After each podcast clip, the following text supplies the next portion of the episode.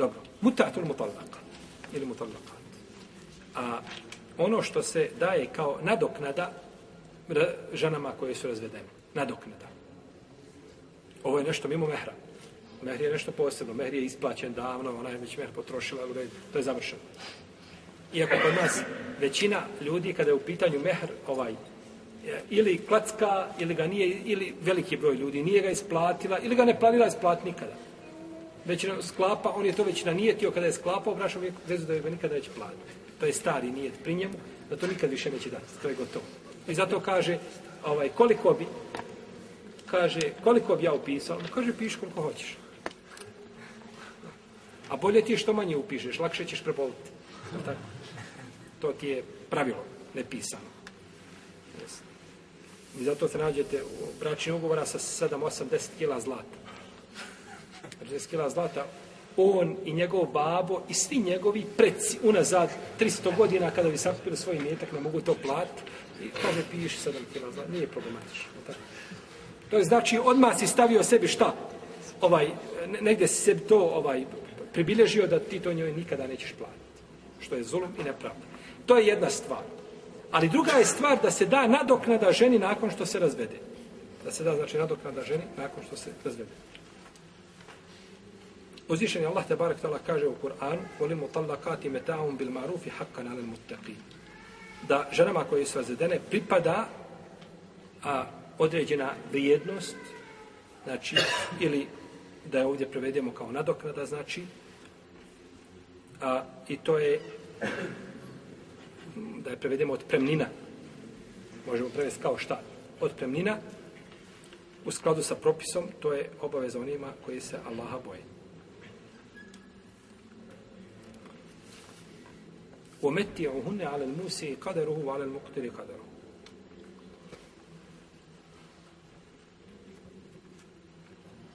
I veliko dušno i darujte po propisu shodno svojim mogućnostima.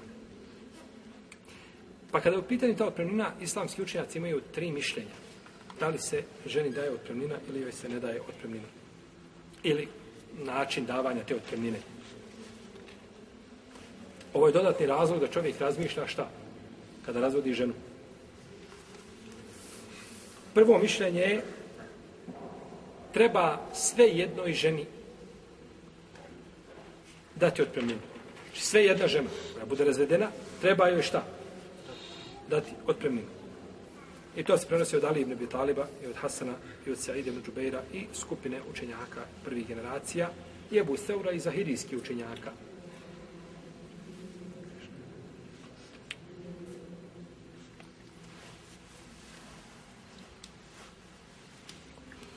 I to je jedan rivajet od imama Ahmeda i odabro ga je šehol Islam ibn Tejmi. Radi ajeta u kome se kaže općenito se spominje otpremnina. Znači bez razlike među samim znači, ženama. Drugo mišljenje je da je to mustahab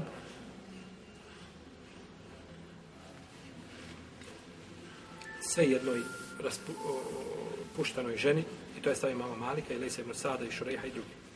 I treće je da je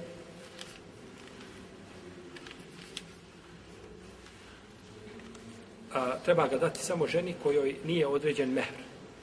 Žena koja je a, nije određen mehr i nije imao sa njom intimni odnos, treba joj dati tu otpremninu. I to je stavio Ebu Hanife i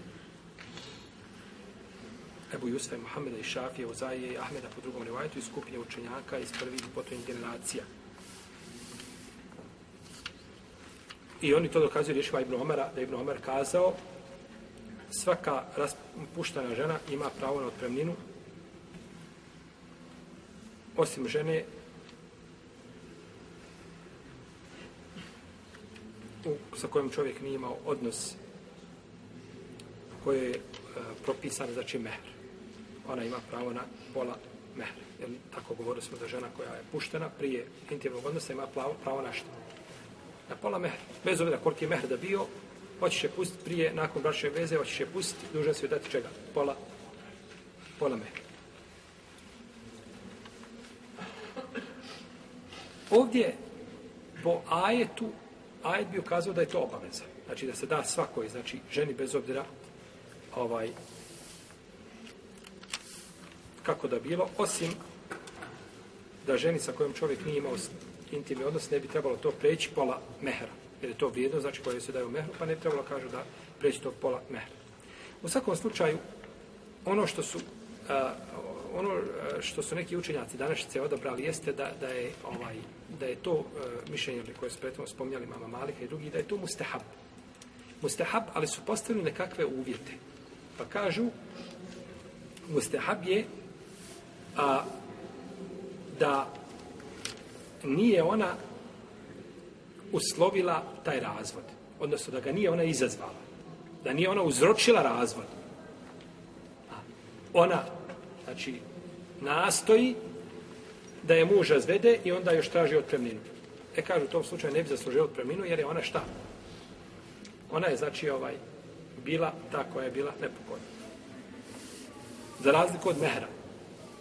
Čovjek nije isplatio ženi mehr, nešto se posuđio sa njom, ona, ona ga provocirala, ne znam, ovaj, izbacila ga iz takta, on je razveo, kaže, ovaj, e nije me slušala, nema mehra.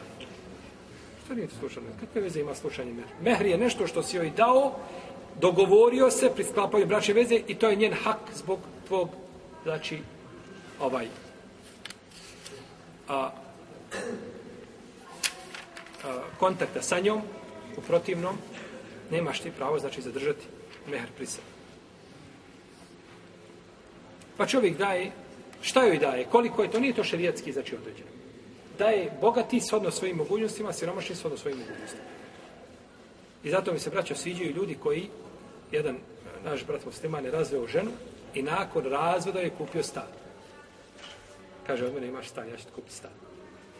E, to je takva i bogobojaznost. Znači, nije nakon razvoda šta? zaboravio sve i da kaže ništa ne. Vola ten sol fadla bejnekom. Nemojte zaboraviti dobročinstvo među vama. Ljudi kada se razvedu, muž i žena postanu smrtni neprijatelji. To je pogrešno.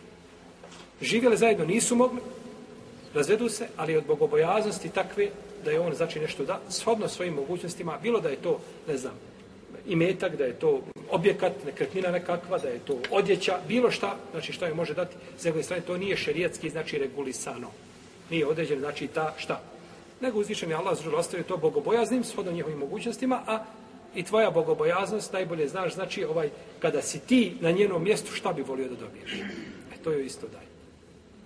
Jeste.